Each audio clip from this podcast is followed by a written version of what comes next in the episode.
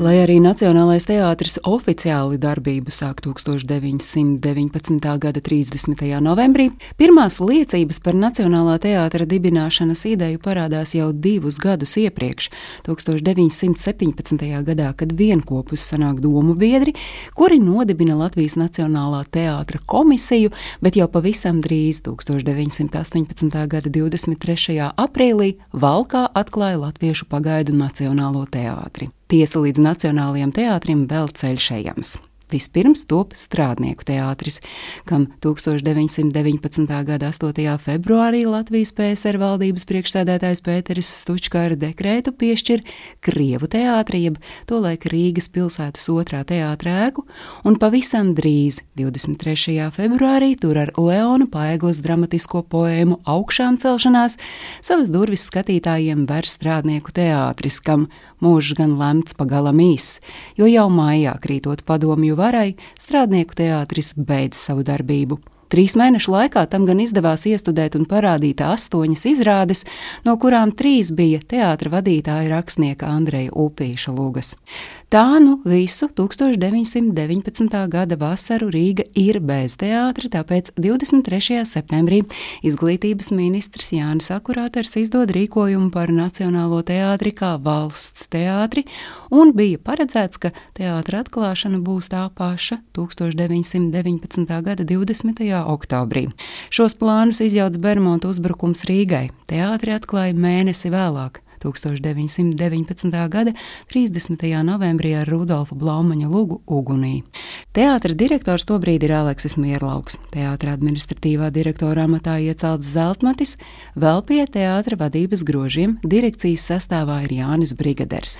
Teātra atklāšanā pirms izrādes runu saka rakstnieks, izglītības ministrs Jānis Akurāters. Līdz ar politiskām uzvarām un brīvību mēs iegūstam arī savu kultūras un mākslas brīvību.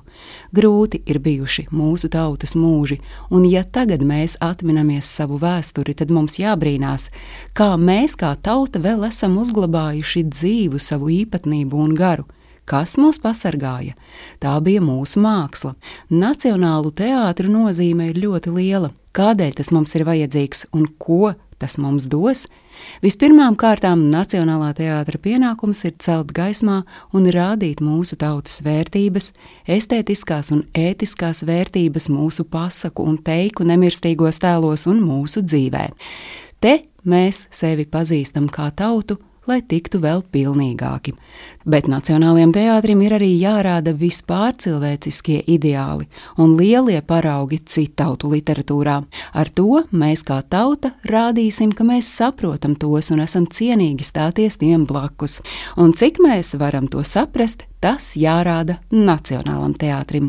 Tas bija fragments no Jāņa akurātera runas atklājot Nacionālo teātri 1919. gada 30. novembrī.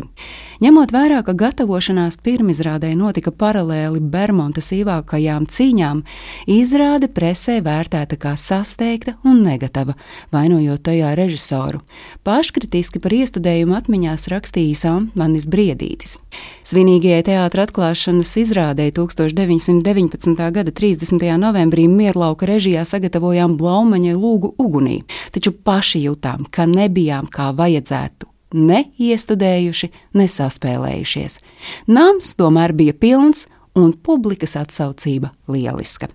Starp citu, par teātra īsto dzimšanas dienu joprojām uzskata strādnieku teātra atklāšanas datumu 23. februāri, tikmēr 30. novembri mēdz saukt par teātra vārda dienu, jo tieši tad Latvijas Nacionālais teātris tika pie sava nosaukuma.